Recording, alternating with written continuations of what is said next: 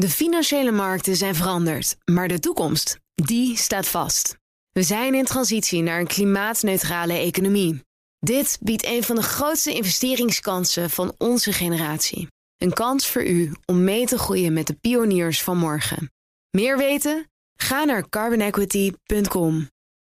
Carbon Equity. Do good by investing better.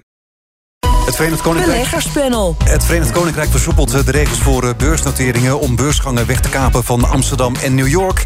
En CSC lijkt de bieding in strijd om Intertrust eh, te hebben gewonnen. En we gaan het allemaal bespreken in het eh, beleggerspanel. Vandaag met Reine Wietsma, portfolio manager bij IBS Capital Management...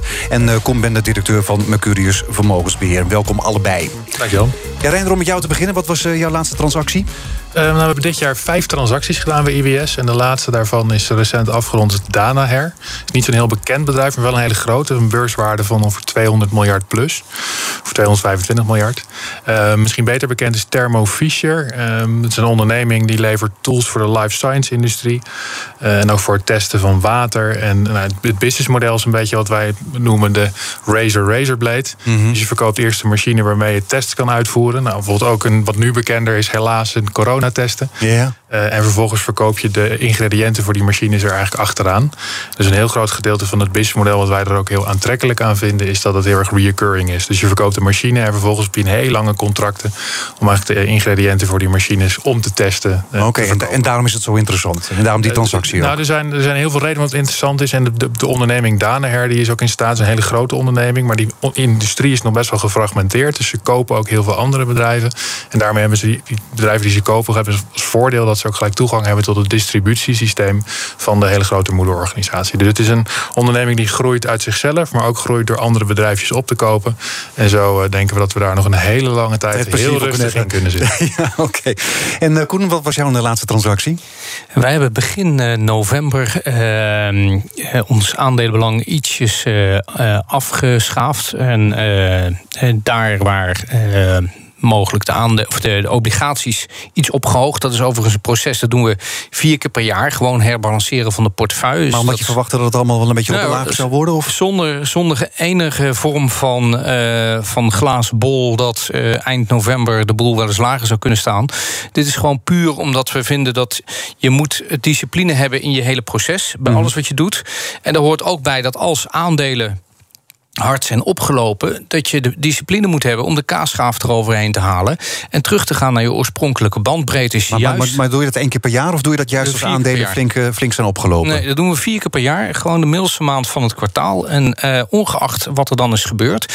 Uh, alleen ja, dit jaar is het zo geweest dat het aandelenbelang steeds is opgelopen. Dus in een neutrale portefeuille bijvoorbeeld hebben we vier keer per jaar aandelen verkocht. Obligaties. En obligaties bijgekocht. En uh, ja, dat, dat, dat is gewoon een uh, hele prettige discipline. En ja, bij zo'n val van de markt eind uh, november, die we dus niet op die manier voorspeld hadden, ja, heb je toch net iets meer uh, uh, bescherming. Uh, wat er overigens niet toe leidt dat we niet geraakt worden door de correctie die nu plaatsvond op de markt. Nee, en op een gegeven moment dan gaat die verschuiving de andere kant weer op. Absoluut. Maar nu al of niet? Nee, nee, nee. Want uh, de volgende keer dat we herbalanceren is begin februari. En uh, ja, dan zullen we zien. Uh, dus als deze daling aan zou houden tot begin februari, ja, dan kopen we op dat moment aandelen bij. Oké. Het Verenigd Koninkrijk gaat de regels voor beursnoteringen versoepelen... om beursgangen weg te kapen bij New York en Amsterdam.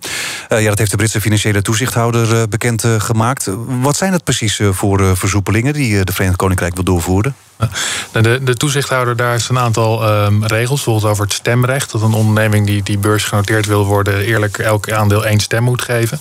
Nou, veel oprichters van bedrijven vinden dat niet per se prettig, uh, omdat ze daarmee ook vaak als ze naar de beurs gaan de controle over hun eigen bedrijf verliezen. Ze willen zelf de stem houden. Precies, um, terwijl ze niet dan het meerderheidsbelang hebben. Nou, in Amerika heb je dat heel veel gezien. Dat bijvoorbeeld bij, bij Snapchat of bij Facebook Mark Zuckerberg nog steeds de meerderheid van de stemmen heeft, maar niet meer de meerderheid van de aandelen. Mm -hmm. Nou, dat is voor de oprichter die zijn bedrijf naar de beurs brengt natuurlijk, natuurlijk een prettige keuze om te hebben.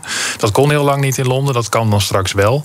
Uh, en daarmee is het voor bedrijven die naar de beurs gaan daar, of tenminste die een plek zoeken om naar de beurs te gaan, aantrekkelijkere uh, plek om een notering aan te vragen als je met dat stemrecht wil schuiven. Het kan ook zijn dat je zegt, ik kies daar niet voor, dan maakt het niet uit waar je naartoe gaat.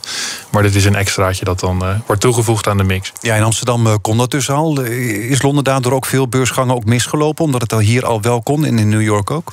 Nou ja, ze hebben de, op de afgelopen jaar hebben ze onder andere in de specmarkt hebben ze toch wel een aantal, aantal deals aan hun neus voorbij zien gaan.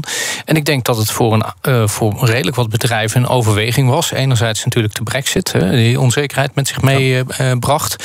maar anderzijds ook het vestigingsklimaat van Amsterdam binnen Europa. Als je dan toch in Europa wil zitten, dan is Amsterdam een hele aantrekkelijke plek om te zitten. Je, hebt, uh, je bent er met, met goede vliegverbindingen, uh, de, de infrastructuur van uh, kabels die er liggen, snelheid van handelen, van dataverkeer is heel erg goed. En we spreken de taal gewoon bij far het beste in, maar, in maar, Europa. Maar dan is eigenlijk het belangrijkste het vestigingsklimaat in plaats van de regels op de beurs eigenlijk. Nou, het is, het is, het is en en en. Dus het is een goed vestigingsklimaat. Ook belastingklimaat heeft daar natuurlijk een, een beetje een hand in. Ja. Uh, als wij hier hele hoge belastingen zouden hebben, zouden bedrijven soms ook wel eens kunnen vertrekken. Dat is ook wel eens uh, gebeurd recent. Wordt gezegd, inderdaad. Uh, wordt gezegd. maar dus dan in Londen, kijk, er is natuurlijk ook een politieke beweging achter dat de Brexit is nu geweest. Heeft tot nu toe alleen maar heel veel hoofdpijn veroorzaakt. maar het wordt natuurlijk ook tijd dat daar politiek af en toe de vruchten van geplukt gaan worden. dus een, het verminderen van regels om bedrijven aan te trekken klinkt niet als onlogisch. Nee. En datzelfde zou kunnen gebeuren in het fiscale, dus in de belastingwetgeving en in, in andere regels. om samen te zorgen dat de Londense beurs nou ja, kapitaal, mensen en, en, bedrijven aantrekt. Ja, en een van die dingen is dus dat ongelijke stemrecht. Hoe staan jullie daar uh, tegenover eigenlijk? Is het logisch? Um, ja, nee. Kijk, ik snap het vanuit de, de oprichters van bepaalde bedrijven. Die willen een, een ja, toch gezeggenschap hebben om hun visie, waarmee ze het bedrijf zijn begonnen, groot hebben gemaakt door te kunnen zetten. En laten we niet... ook, toch? Ja, ja begrijpelijk ja. ook. Laten we niet vergeten dat de grootste bedrijven ter wereld... op dit moment allemaal nog steeds onder de invloedssfeer staan van hun oprichters. Alleen Apple zou je over kunnen twijfelen... maar Steve Wozniak heeft ook nog wat in de, in de melk te brokkelen. Dus... Uh, Vanuit, vanuit dat oogpunt snap ik het. Alleen als je uh, invloed wil hebben op de, uh, de beleggingen, ja, dan, dan heb je niks te zoeken bij een bedrijf als, uh, als Facebook. want je hebt nul, nul invloed. Nou, kijk, het geldt voor, voor IBS. We hebben een, een, een redelijk beheerd vermogen, maar op de schaal van de Apples en de Googles van deze wereld, waar het om honderden miljarden gaat, is de kans dat je als belegger zelf invloed kan uitoefenen eigenlijk sowieso al nul. Ja. Dus dat maakt het ook eigenlijk niet zoveel uit. Eigenlijk. Nou ja, dan is het heel theoretisch. Maar het gaat er dan ook vooral om met wil je met deze persoon mee investeren. Dus ik denk dat als Jeff Bezos nu een nieuw bedrijf zou starten, dat best wel veel mensen daar mee zouden willen doen. Ook als hij 100% van de controle heeft. Omdat er gewoon vertrouwen is in hem. En dan denk je van, ah, het komt wel goed. En ik als kleine aandeelhouder ja. heb waarschijnlijk toch maar heel weinig invloed. Exact, er is vertrouwen in de persoon en mensen willen daarin mee. Nou, bij, bij Facebook kun je daar, uh, zullen er andere mensen verschillend over denken. Maar er zijn ook mensen die met Mark Zuckerberg willen mee investeren. Die heeft een goed track record. Mm -hmm. Um, nou, dus het is heel caseafhankelijk. Want er zijn ook situaties waarin juist heel graag van die vervelende CEO, founder, oprichter af wil. Omdat hij in de weg gaat zitten en juist te veel stemrecht heeft. Ja, okay. Dus het is in die zin heel erg afhankelijk van de case. Of mensen er aan mee willen doen of niet. Maar eigenlijk dat ongelijke stemrecht, dat dat nu dan in Londen kan, dat is eigenlijk maar een heel klein dingetje dan ook. Je moet het zien in een bredere nou ja, Brexit-exercitie... Ja, ja, ja. waarbij die beurs aantrekkelijk wordt gemaakt. Het gaat ook bijvoorbeeld om de free float. Dus hoeveel aandelen moet je naar de beurs brengen? Inderdaad, 10% van de aandelen vrij verhandelbaar moet zijn. Eerder was dat nog 25%. Ja, nou, dat, kan bijvoorbeeld, dat zag je ook in Nederland bij Adyen. Die waren natuurlijk al vrij groot toen ze naar de beurs kwamen. En die brachten uh, niet heel veel van hun aandelen... Werden vrij verhandelbaar. Uh, maar toch, omdat ze al zo'n omvang hadden... als je 20 miljard groot bent en je gaat naar de beurs... en je brengt maar 10% naar de beurs... zoals nog 2 miljard, wat een redelijk geld is, ja. redelijke free, free float is. Ja. Andersom, als je 100 miljoen groot bent en je brengt al maar 10%, heb je er eigenlijk weer niks te zoeken. Dus het is ook weer echt heel erg afhankelijk van de case en wanneer het nou ja, verstandig is. Ja, Koen, zouden ze naar Adyen hebben gekeken in Londen? Um, nou ja, ze zullen er ongetwijfeld naar gekeken hebben. Maar uh, ik denk niet dat dit uh, doorslaggevend is geweest. Ik denk dat uh, ja, Adyen gewoon heel erg Nederlands, Nederlandse roots heeft gevolgd. En daarom in Amsterdam genoteerd is. Ja, maar, maar zullen deze versoepelingen, zullen, zal het ook meer bedrijven naar de Londense beurs gaan trekken? Uiteindelijk wel. Kijk, er zit, er zit, er is, het is een, een, wat ik net aangaf, een palet aan afwegingen. Uh, maar een prettig vestigingsklimaat, goede maar dat hebben wij toch al? we hebben dat ook. Uh, maar je moet niet vergeten dat wat wij nu hebben, er zijn anderen die daar blij naar kijken. Uh, die dat ook zouden willen hebben. Dus het is, ja, competitie is gezond. En nu gebeurt er competitie op, op de regels. Ja, hoe zie jij dat, Koen? Nou ja, ik ben het daar wel mee eens. Ik denk dat binnen de eurozone blijft Amsterdam een van de aantrekkelijkste beurzen. ook om zaken te doen voor, voor Amerikaanse grote financiële partijen. Ehm, eh, vanwege de infrastructuur, ook eh, het apparaat eromheen, advocatenkantoren, we spreken de taal goed. Eh, dat verdwijnt niet. maar Londen gaat zeker weer een, een plek in de wereld veroveren. Ook met, of terug veroveren zou je beter kunnen zeggen. ook met de, de druk die er ligt met Chinese aandelen die moeten vertrekken uit, uit Amerika. Dan is natuurlijk Hongkong een, een, een, een logische plek. Maar dan zou Londen, dus ook zeker zijn. ook, ja, waarom niet? Maar, maar het betekent dus niet zoveel voor de positie van de AEX eigenlijk, deze, deze versoepeling. Want wij blijven nog wel een belangrijke speler ook voor uh, bedrijven die naar de beurs willen. Ja, dus de, de AEX is gewoon een index waar 25 aandelen in zitten die toevallig veel verhandeld worden en heel groot zijn. Uh, maar voor het aantal bedrijven dat gelist is op de, op de Nederlandse beurs, hoeft, het zal voor de bedrijven die hier zitten geen invloed hebben. Maar wij, wij hoeven er niks tegenover te zetten om nog aantrekkelijk te blijven. Uh, op dit moment niet, maar zeg nooit nooit, zeker niet in beleggen. En het gaat natuurlijk ook vooral om nieuwe listings. Dus bedrijven die nu naar de beurs zouden willen. Oké. BNR Nieuwsradio. Zaken doen. Edwin Mooibroek. En we zitten midden in het eh, beleggerspanel vandaag met eh, Reine Wietsma, portfolio-manager bij IBS eh, Capital Management en Combender, directeur van Mercurius Vermogensbeheer. Het Amerikaanse trustkantoor CSC heeft de biedingenstrijd om het Nederlandse Intertrust gewonnen. CSC en Intertrust zijn het eens geworden over een bod van 1,8 miljard, miljard euro. En dat betekent 20 euro per aandeel. Hebben jullie het een beetje gevolgd, die biedingenstrijd rond Intertrust? Uh, zijdelings. Heel, erg, heel erg zijdelings, ja. Heel erg zijdelings. Ja. Maar jullie zijn wel allebei benaderd door Intertrust, hè? Want die zijn erachter gekomen dat jullie hier vandaag uh, erover zouden praten. Ja, dat uh, vond, ik wel, vond ik wel apart. Dat is me in al die tijd. Uh, kom hier al even. Ja. Is me dat nog nooit eerder overkomen. Dus ik heb het verzoek naast me neergelegd. Dan het verzoek was om van tevoren voor deze uitzending even, met even voor te spreken. Ik dacht, nou ja, ik zou niet weten waarom. Maar... Nee. nee. En rende jij ook? Uh, ook uh, met het uh, verzoek of ik misschien nog meer informatie wilde. Maar ik was voldoende voorbereid, vond ik zelf. Dus het was niet nodig. Nee, oké, okay, inderdaad erg opmerkelijk. Nou, Intertrust deed het al een hele tijd niet meer zo goed op de AEX. Maar maakte een flinke stijging door sinds de interesse van een eerdere partij. Hè, ja. CVC, dat was begin november. Was het opvallend dat het al een beetje begon rond te zingen allemaal? Um, nou, wat, er is één klein dingetje. Dat is dat namelijk de koers op een gegeven moment behoorlijk begon op te lopen voordat er nieuws was. Dat was voor, voor deze overname, ja, inderdaad. Dat was voor deze overname. Maar dat deze overname of dat een overname in de lucht ging, was geen nieuw nieuws. Uh, er waren ook al wat activistische aandeelhouders die in de Intertrust waren gestapt. De koers deed het al een lange tijd niet zo heel goed. Het businessmodel van Intertrust staat ook onder druk. Nou, vanuit de wetgever. Er waren al boze brieven gestuurd. Jullie moeten iets beter je best ja, doen. Dus het moest allemaal wat, wat beter. Er werd niet, uh, nou, de koers lag al lange tijd stil. Dus vanuit die kant is het op zich niet onlogisch dat die overname op dit moment komt. Uh, het is sowieso een industrie waar wat dat consolidatie heeft plaatsgevonden over tijd. Uh, dus geen verrassing, maar de, de timing is dan altijd net. Uh, de devil is in de details, zeggen ja, ja. Maar waarom deed Intertrust eigenlijk zo slecht, die aandelen? Nou ja, ik, uh, ik denk dat dat te maken heeft met uh, toch het hoekje waar ze, waar ze in zitten. Veel wet en regelgeving die op ze afkomt. Uh, ja, de witwaswetgeving? Ja, wisseling in het management. Uh, toch ook een hoek waar veel beleggers van zeggen: van ja, we weten niet of we daar nou echt, uh, echt in willen zitten. Hè.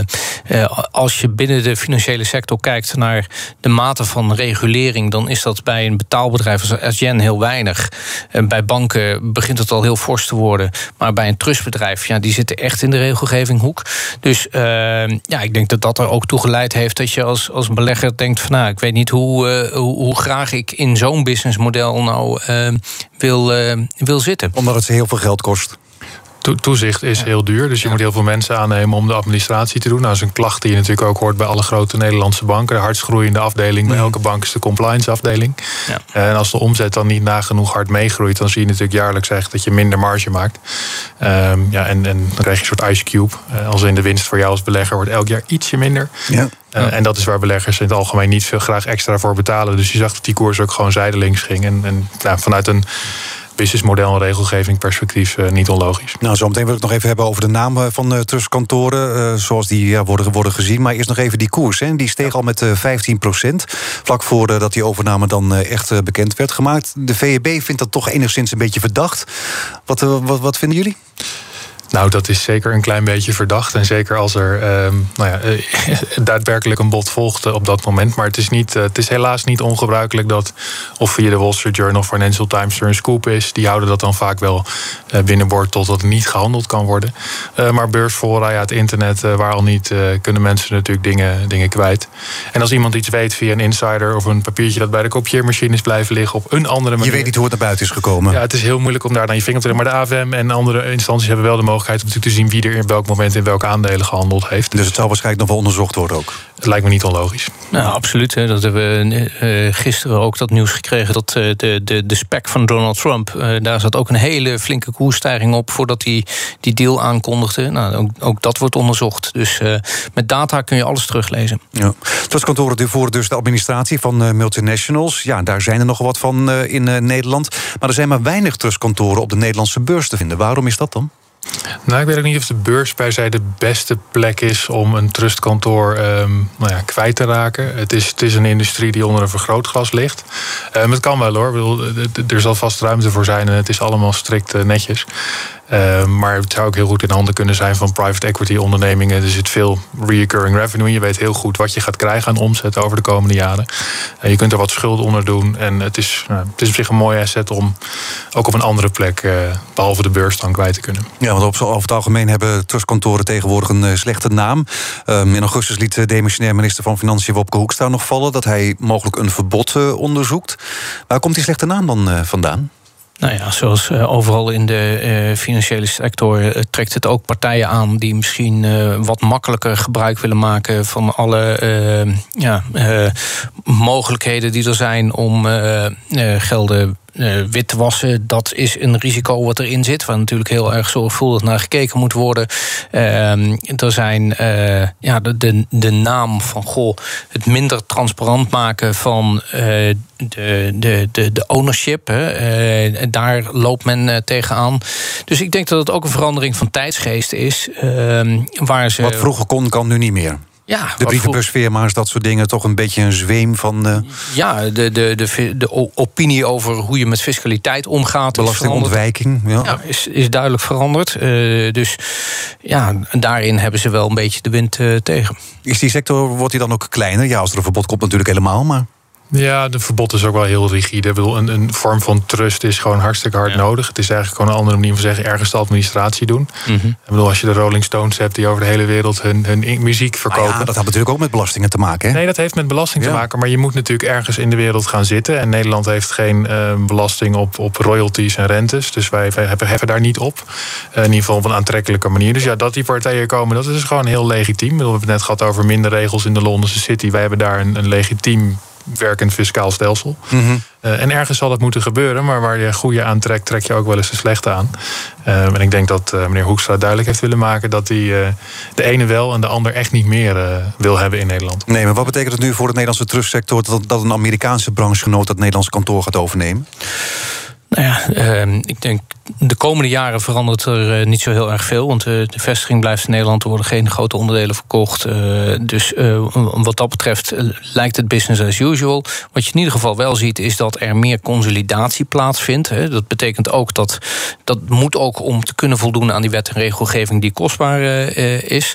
en ik denk dat dat op termijn daarmee wordt de sector wel kleiner dat er continuïteit komt door een grote partij uit Amerika. Dat vind ik op zich niet slecht. En ja, of over tien jaar die, die trustbusiness in Nederland nog steeds uh, er, er, is, dat hangt van zo ontzettend veel factoren af. Dat vind, ik, uh, vind ik lastig. Wil ik het nog even met jullie hebben over de Nederlandse chip-aandelen. Die maakten vorige week een, uh, een flinke duik. Trekt alweer een klein beetje aan. Maar waar komt het door, denken jullie?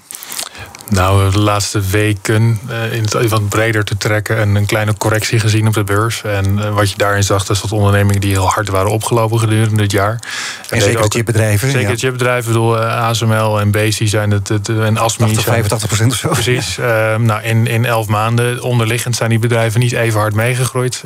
dat zet je soms wel eens op voor een kleine correctie. Soms kan het overigens ook gewoon net zo hard doorstijgen. We hebben natuurlijk alles in alle varianten al wel een keer meegemaakt. Maar niet zoveel aan de hand eigenlijk, zeg je. Maar dat er 10 10% van zo'n onderneming afgaat in een, uh, in een paar weken is niet zo heel gek. Sterker nog, dat hoort er gelukkig bij. Als ze alleen maar omhoog zouden gaan, dan uh, ja, zou het geen risico hebben. En dat heeft het gelukkig wel, want daardoor verdien je over tijd als belegger natuurlijk ook uh, meer dan op een spaarrekening. Ja.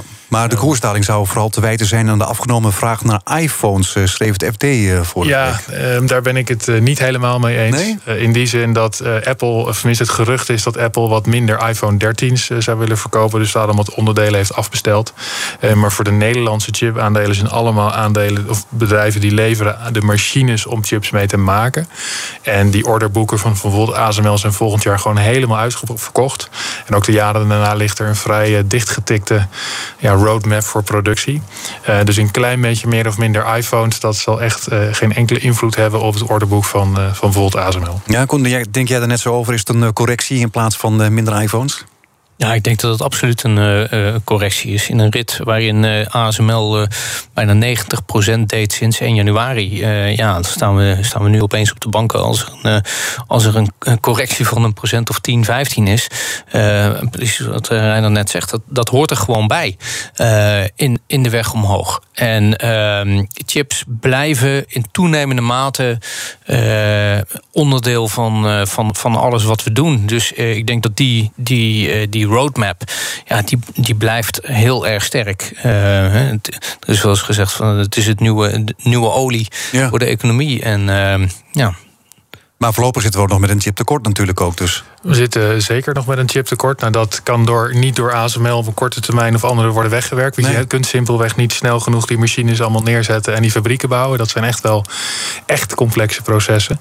Eh, en het maken van een chip waar nu het grootste tekort aan is, dat zijn niet de meest geavanceerde, maar de wat minder complexe. Het maken van zo'n chip duurt een maand of drie. Eh, dus voordat je door hebt dat je een tekort hebt en dan nieuwe besteld hebt en dat met iedereen tegelijk. Uh, ja, dat is een, een proces, daar gaat wat tijd overheen. Maar de eerste berichten dat het allemaal wat, wat meer lucht krijgt, die zijn er zeker. Dus uh, misschien dat we het eind volgend jaar wel weer over iets heel anders gaan hebben, dat dan een, uh, dat dan een probleem is. Oké, okay, dank jullie wel. Reiner Wietsma, uh, portfolio manager bij IBS Capital Management en Koen Bender, directeur van Mercurius Vermogensbeheer. Zometeen gaan we het hebben over plantveredeling, uitgevoerd door robots. De financiële markten zijn veranderd, maar de toekomst, die staat vast. We zijn in transitie naar een klimaatneutrale economie. Dit biedt een van de grootste investeringskansen van onze generatie. Een kans voor u om mee te groeien met de klimaatoplossingen van morgen. Meer weten? Ga naar carbonequity.com. Carbon Equity. Do good by investing better.